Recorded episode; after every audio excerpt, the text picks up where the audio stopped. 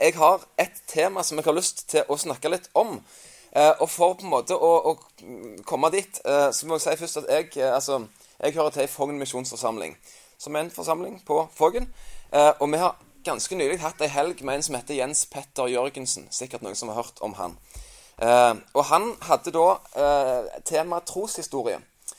Og det var veldig spennende. Uh, han, har, han, har, han, har, skrevet bok om dette for noen år siden, og han, han gikk gjennom eh, viktigheten av på en måte å kunne formulere sin egen troshistorie.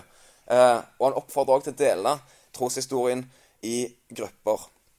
Og En troshistorie handler gjerne om personer og hendelser som har hatt positiv og negativ betydning for din eh, kalde trosreise. da. For alle har, alle har sin egen troshistorie. Det er ikke sånn at nei, men det er en kollektiv troshistorie. Alle, alle tenker på samme måten. Alle har sin egen.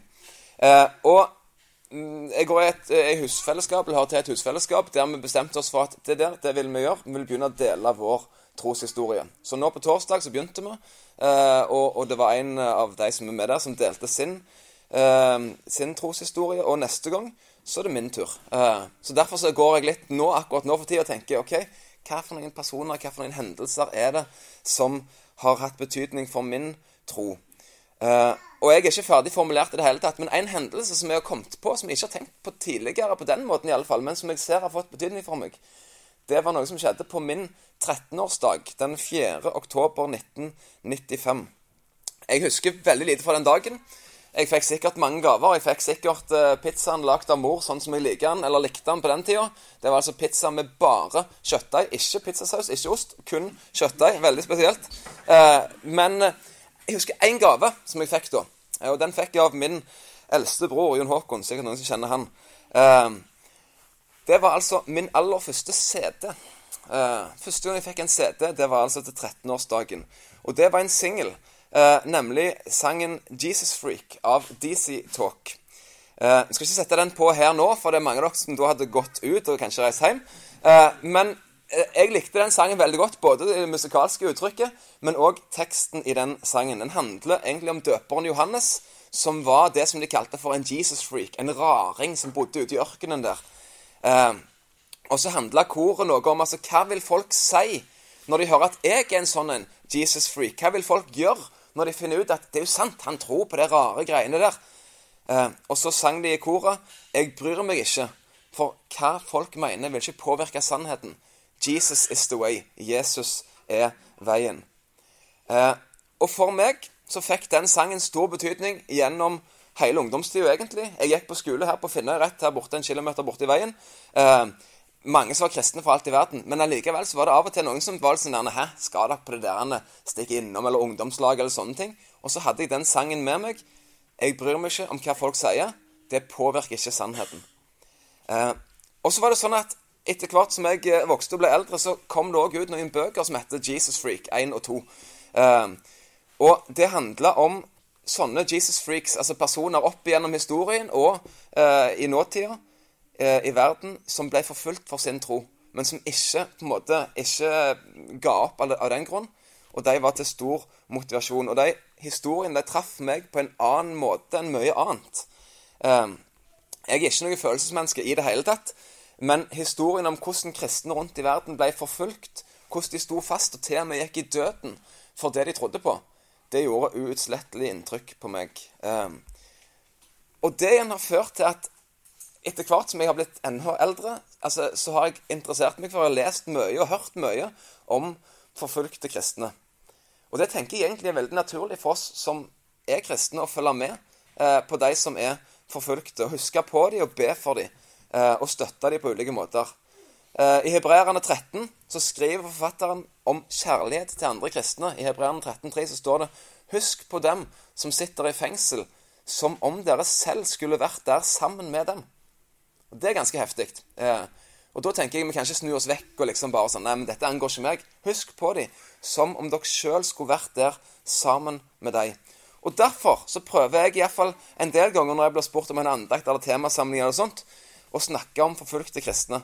Eh, både for at vi skal huske på dem, for at vi skal be for dem, men òg fordi vi har enormt mye å lære av dem. Og det er det jeg har lyst til å trekke fram i dag. Tre ting som jeg tror vi kan lære av forfulgte kristne. Og jeg har lyst til å bruke noen historier eller eksempler som understreker de tre tingene. Så det er ikke mer avansert enn som så. Så jeg tror det går helt fint at òg 5. til 7. klassegjengen er her i dag. Veldig kjekt at dere ble igjen her og ikke gikk ut sammen med de andre. Um, første tingen jeg vil trekke fram, jeg har kalt det for fryktløshet. Fryktløshet. Og Da skal jeg begynne med en illustrasjon som jeg har brukt mange ganger, for jeg syns den er veldig god. Og Den finner vi i innledningen i ei av Tom Doyle sine bøker. Uh, ei bok som heter I ildovnen. Og Det er en illustrasjon som er henta fra dyreverden, eh, om løvenes jakt på sebraen. Når han skal forklare noe av tankegangen til forfulgte kristne. For løvene de liker veldig godt sebrakjøtt. Sebra er veldig redde for løver. Løvene de jakter i flokk på en ganske sånn finurlig måte. Eh, det fins jo hannløver, og det fins hunnløver. Hannløvene har stor manke. Hunnløvene de, er, de har ikke en manke, de er mer kanskje smidige. Og når løvene oppdager en sebra som kanskje har kommet litt fra flokken, eller sånne ting, og tenker den, den skal vi ta, så stiller de seg opp, altså disse her eh, hannløvene stiller seg opp på ei rekke i forkant av sebraen, mens de andre de sniker seg på baksida. Huløvene sniker seg vekk, altså på baksida av dyret. Og så begynner hannløven å gå mot sebraen. Og så har hannløven et enormt brøl som kan, det kan på en måte lyde over savannen. Og det er helt sånn fryktinngytende, og det er enormt skummelt brøl som de kommer med. Og sebraen hører jo det brølet, selvsagt. Og tenker Oi, eh, hjelpe meg. Hva skal jeg gjøre nå? Og det som er på en måte eh, naturlig når det går kaldt nedover manen på en sebra, det er jo å komme seg vekk fra den brølinga. Så instinktet sier tydelig dette er farlig, dette må jeg vekk fra. Og hva gjør sebraen? Jo, den flykter i motsatt retning av brølet. Og der venter huløvene. De som er dyktigere jegere. De som helt sikkert klarer å ta denne sebraen og fange den og drepe den eh, så fort som bare det. Så hva gjorde sebraen feil? Jo, sier Tom Doyle, den sprang rett mot det som var farligere enn løvene som brølte. For hannløvene er ikke like gode jegere. Sebraen skulle nekte å følge sine instinkter og skulle heller løpt imot brølet. Da hadde sjansen for overlevelse vært mye større. Og det er mange forfulgte kristne som har fått øynene opp for at dette er sant. Det som Jesus sier i Matteus 10,28 om at de skal ikke frykte de som bare kan drepe legemet, men ikke kan drepe sjelen vår. De har forstått det som sebraen ikke har forstått, nemlig at det som ved første øyekast kan virke skumlest og verdt å flykte fra, faktisk er det beste alternativet. For den forfølgelsen som de står midt oppi, den handler i hermetegn bare om det livet som de har her på jord. De som forfølger dem, kan ikke ta fra dem noe annet enn akkurat det. De husker på det som vi kanskje glemmer, det som Jesus har sagt i Johannes 16, 33, at i verden skal dere ha trengsel, men vær ved godt mot. Jeg har seiret over verden. Jeg har vunnet over dette her. Det er faktisk det beste alternativer. Og så har vi mange eksempler på dette fra forfulgte kristne. Jeg vil, jeg vil, ta, jeg vil bruke fortsatt den boka i ildovnen av Tom Doyle. En historie der om en som heter Medo. Og da må vi til eh, Irak, eh, byen Mosul. Det er for så vidt en stor og kjent by i dag, men den har vært kjent i veldig veldig lang tid. Han heter Ninive før i tiden, så det er den samme byen som vi har hørt om i Bibelen. Eh, I 2014 skal vi til, og da handler det altså om Medo, en muslimsk student han studerte ved universitetet i Mosul når IS, eh, islamsk stat, kom og overtok byen. Og Alle forelesninger ble avlyst. Studentene ble tvunget til å bli med i IS, og Medo han var intet unntak. Men han var ikke komfortabel i denne nye rollen sin. Særlig når IS-lederen Abu Bakar al-Baghdadi kommer til byen og forkynte at alle kristne i Mosul fikk 24 timer på å enten konvertere, flykte eller dø. Um, og dette her, jeg, jeg, tror egentlig dere har hørt om dette, altså den, den hendelsen her. For det, at, eh, det var her den her um, arabiske bokstaven N for nazareer ble malt på husdøren til de kristne. Det var der det begynte. Og så husker dere kanskje at det var mange som brukte det som profilbilde på Facebook for å vise at jeg òg står sammen med deg. Jeg er en kristen. Eh, sånn at de visste, eh, de visste altså hvor de kristne var. Trusselen var gitt. 24 timer, konverter, flykt eller dø. Og de scenene som utspilte seg etter de 24 timene, de gjorde noe med Medo. Eh, Det var et blodbad som varte i flere dager, og Medo prøvde, og han ville ikke ha noe med denne altså aksjonen å gjøre, så han holdt seg inne. For selv om han var muslim, så mente han at det som nå skjedde, det var feil. Så han holdt seg inne i huset sitt i flere dager. Noen dager etterpå, når han trodde det verste var over, så, så vågte han seg ut i gatene i Mosul. Um, og han gikk en tur der. Og da fikk han se skjebnen til fire kristne som hadde bestemt seg for å forbli i byen.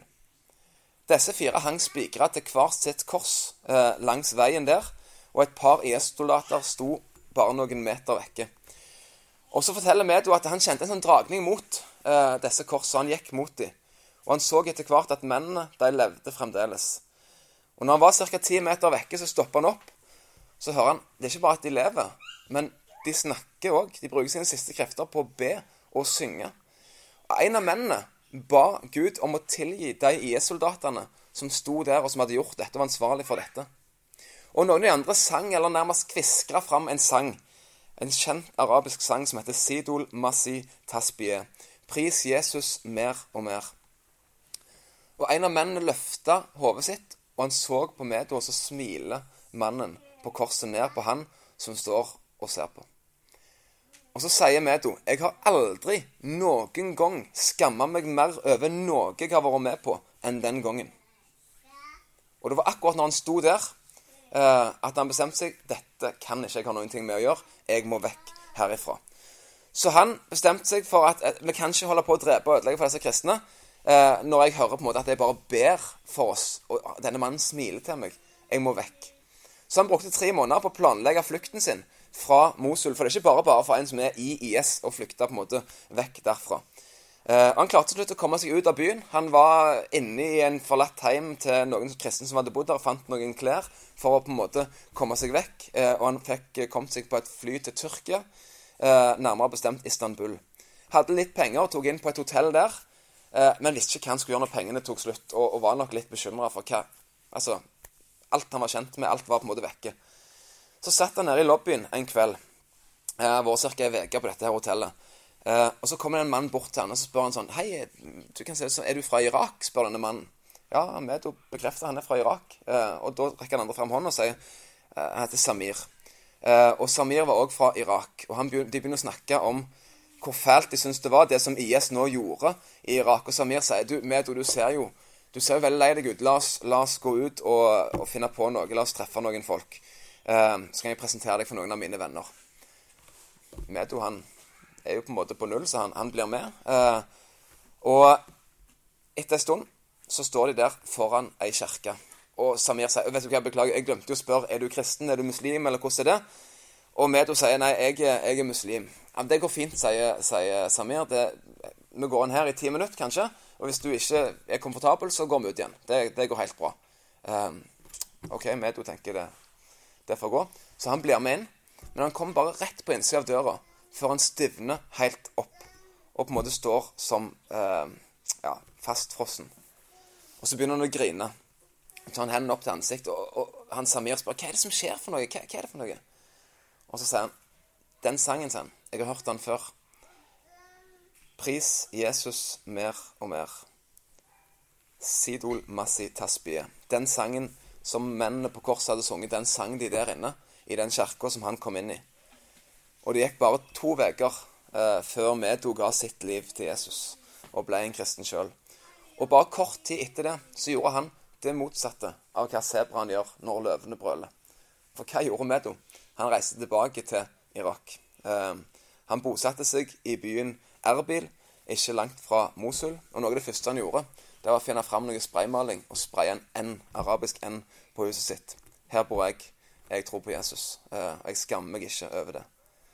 Og så har Medo sagt Jeg kom tilbake til Irak, og mange tenker at jeg er en tosk som gjør det. Men jeg vet at jeg er kalt til å være et lys i det mørket som nå dekker landet mitt. La meg spørre, hvor kaller Jesus deg til å være et lys for han? Det er en fryktløshet her, eh, både hos mennene som henger på korset i Mosul, og som ber for sine bødler og vitner for de som går forbi, og i Medo, som etter alt han har vært igjennom, reiser tilbake til Irak. Returnerer dit. for å være et lys i mørket.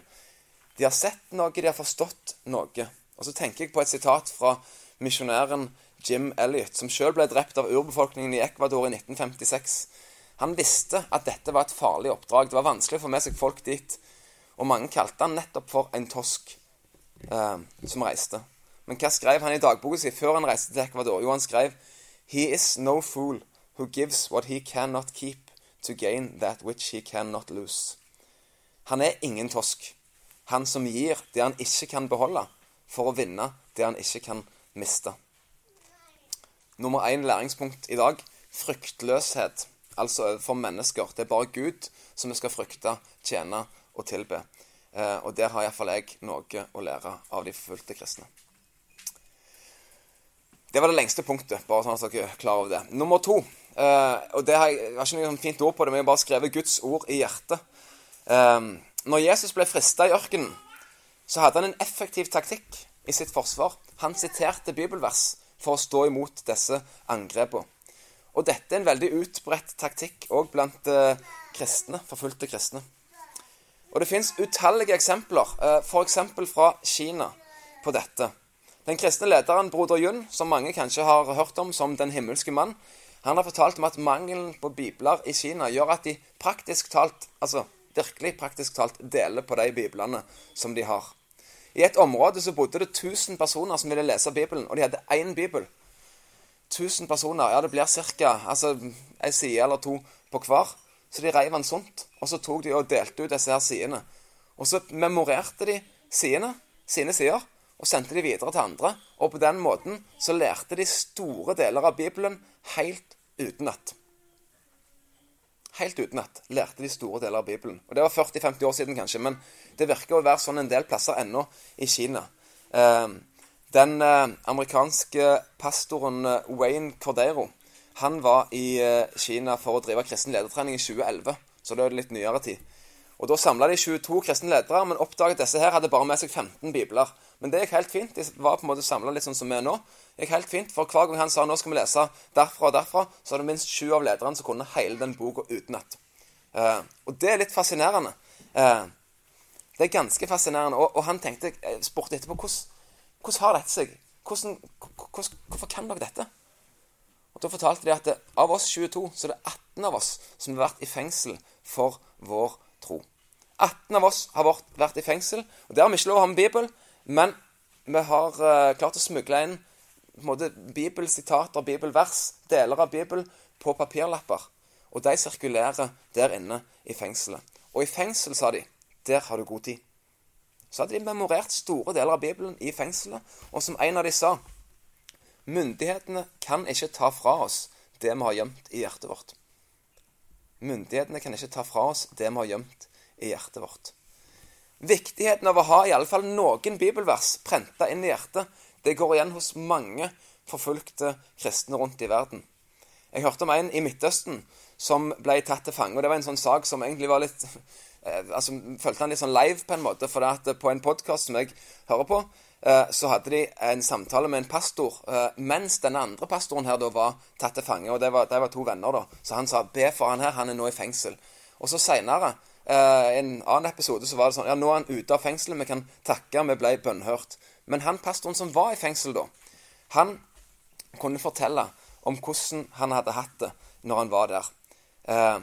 og han fortalte om at det verste, mente han, det var at han fikk bind for øynene. Og det bindet ble ikke tatt av på mange dager. Så det var helt svart rundt den.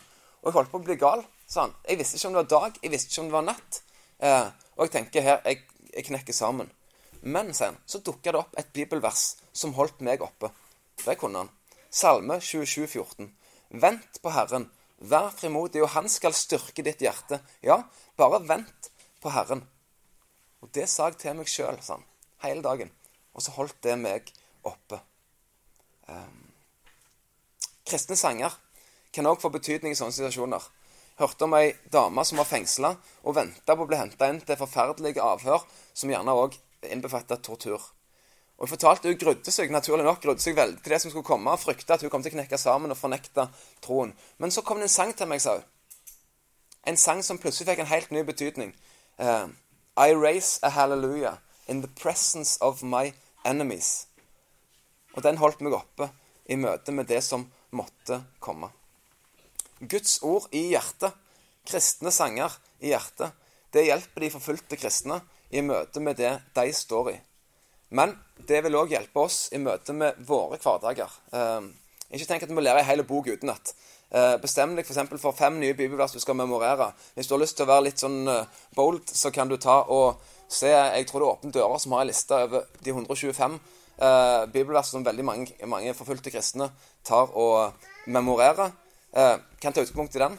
Trenger ikke lære alle 125, men jeg tror å lære noen det tror jeg er veldig viktig. Jeg tror det handler litt om å gi Den hellige ånd noe å liksom jobbe med i ditt liv. Og minne deg på. Eh, og jeg tror det er noe vi kan bli inspirert til av de forfulgte kristne. Så én fryktløshet. To Guds ord i hjertet. Og nummer tre der har jeg skrevet tilgivelse. Og da skal vi til Kabul i Afghanistan. Til familien Grønvald fra Sør-Afrika. De var misjonærer i 2014. Eh, da er vi òg i 2014, ja. Det var mor Hanneli, far Werner og de to ungdommene Jean-Pierre og Rode. De hadde møtt mye motstand før de reiste dit, spesielt fra foreldrene til hun her Hanneli. De hadde kun to barnebarn, og de var utrolig glad i dem. Altså, at dere skal reise til, til, til Afghanistan, til Kabul, at det var de veldig motstandere av. Og de så nok heller ikke på en måte det kallet som familien kjente på. De så ikke det på samme måten som familien. Men de reiste eh, allikevel. Den 29. november 2014, da er den dagen denne hendelsen her skjer. Familien skulle egentlig være eh, samla. Det var en lørdag. Skulle være samla hjemme. Men eh, mor, Hanneli, hun som jobber på et sykehus, hun hadde blitt kalt inn til en ekstravakt. Ikke fordi at de visste at nå har vi noe ekstra, men det var fordi at det var et FN-møte eh, den, eh, den, dagen eller den helga. Og da visste de at da er det faktisk sjanse for at det kommer et angrep. Um, så da er det greit at vi er litt ekstra oppbemanna. Litt sånn beredskap der, egentlig. Og ganske rett. Det ble slått alarm i løpet av lørdagen, og det ble meldt fra om at det var et pågående angrep i Kabul. Og Hanneli og flere andre rykker ut med ambulanser og personell. Og hun merker jo at hun er godt kjent på denne veien, for det er den veien som hun tok til sykehuset den morgenen. Og de stopper opp utfor hennes hus. Um, og når de andre forstår at dette er hennes hus, og, og at uh, her er jo hun faktisk direkte involvert, så får de geleida hun inn i nabohuset, og så sitter hun der mens de andre tar seg av situasjonen. Og hun, hun visste det var et angrep, men hvor alvorlig dette var, det, det visste hun ikke, uh, forteller hun. Eh, men etter hvert så kommer det noen eh, tilbake til Johan Li som sitter i dette andre huset, helt alene, eh, og gir henne de verste nyhetene. Eh, både Werner og ungene dine er funnet døde. Werner ble funnet i første etasje, ungene på rommet sitt i andre etasje. Eh, skutt av eh, islamske militante. Og hun forteller at plutselig står jeg i mitt verste mareritt. Hun sier 'I am left behind alone'. Hun er alene igjen. Og hun forteller jeg skulle så ønske at jeg var der sammen med dem, selv om jeg hadde dødd. Jeg skulle ønske at jeg var der sammen med dem. Og sier at det verste Jeg skulle ønske jeg kunne være der og holde rundt ungene mine når de bevæpna folk og kom inn på rommet deres og drepte dem. Det gjør så vondt at ungene mine døde alene. Uh, og det kjenner vi i magen. Hvordan går det med Hanneli i dag? Hun er helt sikkert prega, eh, men hun har klart å leve videre. Hun er gift på nytt, hun har et godt liv. Og hvordan er det mulig? Og så forteller hun at det var en prosess, men jeg har tilgitt de som sto bak dette. Hvorfor det? Og så svarer hun, og det er en sånn ny formulering for meg jeg erfarte at hvis jeg ikke tilga, så var det som om å sjøl drikke den gifta jeg ønska å gi til min families drapsmenn. Da gikk det ut over meg sjøl. Da var det jeg som på en måte var bitter, og mitt liv som ble ødelagt. Det var først når jeg bestemte meg for å tilgi og overlate til Gud å dømme, at jeg ble fri, og at jeg kunne gå videre. Og dette må ha vært vanskelig. Og vi hører andre historier òg om forfulgte kristne som opplever de verste ting, og som faktisk tilgir de som står bak disse tingene. Tilgir drapsmenn. Og vi har kanskje ikke så store ting å tilgi, men det kan være vanskelig likevel. Men det er faktisk ganske basic kristendom å tilgi. Jesus sier det jo i Fader vår. Altså tilgi oss vår skyld, slik vi også tilgir våre skyldnere.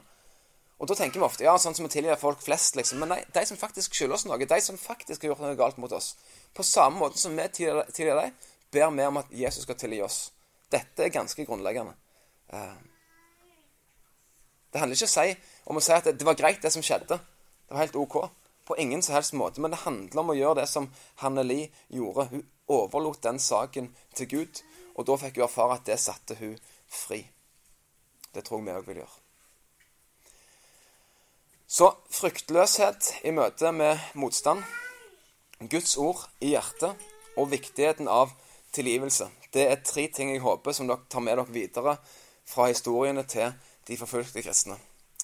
Og så har jeg lyst til slutt på en måte til å bare oppfordre dere til å huske på dem, til å være med dem, støtte dem på ulike måter, be for dem og følge med dem. Og Det finnes det veldig mange muligheter til i dag. Det kan godt være dere gjør det òg, men jeg vil bare si på en måte de kanalene som jeg bruker eh, for å eh, huske på de forfulgte kristne. For der har du jo Åpne dører, sant? som er ja, kjent organisasjon og her har denne World Watch List eh, og har et veldig eh, brennende fokus på de forfulgte kristne.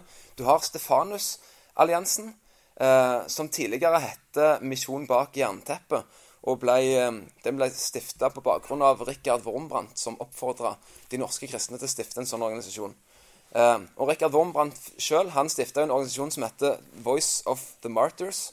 Eh, de har en nettside, og de har en podkast der det kommer ut nye episoder hver lørdag. VOM Radio heter den. Og den vil jeg anbefale uh, å, å, høre på.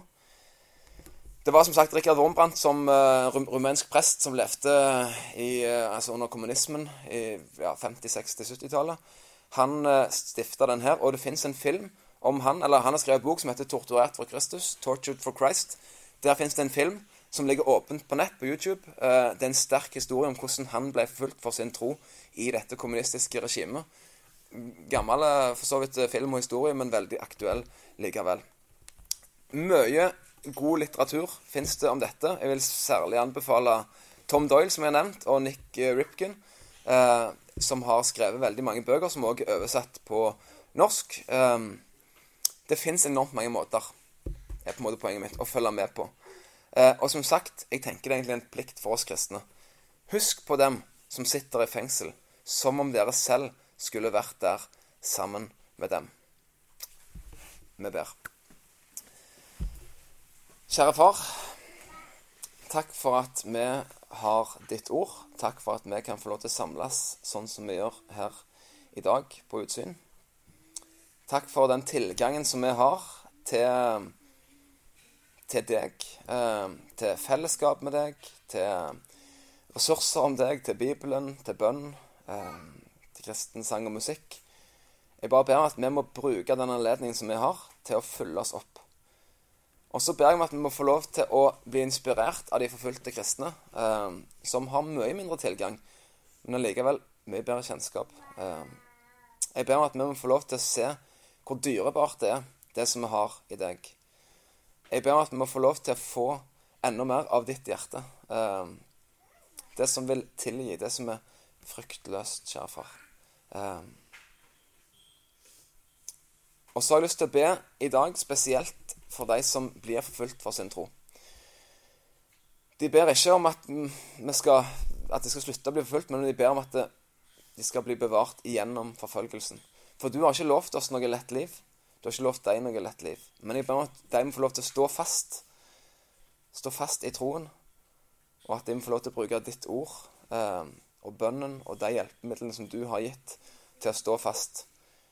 Jeg ber om at de må få lov til å få et klart blikk på deg. Eh, et blikk ikke først og fremst på det som er rundt dem, og det som kan virke skummelt, og det løvebrølet som det virker fristende å bare flykte vekk fra, men at de må få lov til å stå fast gjennom alt med troen på deg intakt. Har lyst til å bare legge fram de i disse landene eh, som blir forfulgt. Du ser de kristne i Nord-Korea, i Irak, i Afghanistan, i Somalia og alle disse andre landene eh, der det kan koste livet eh, å si at de tror på deg. Jeg ber at vi får lov til å bli inspirert av dem, at vi husker på dem, at vi må være med og støtte dem.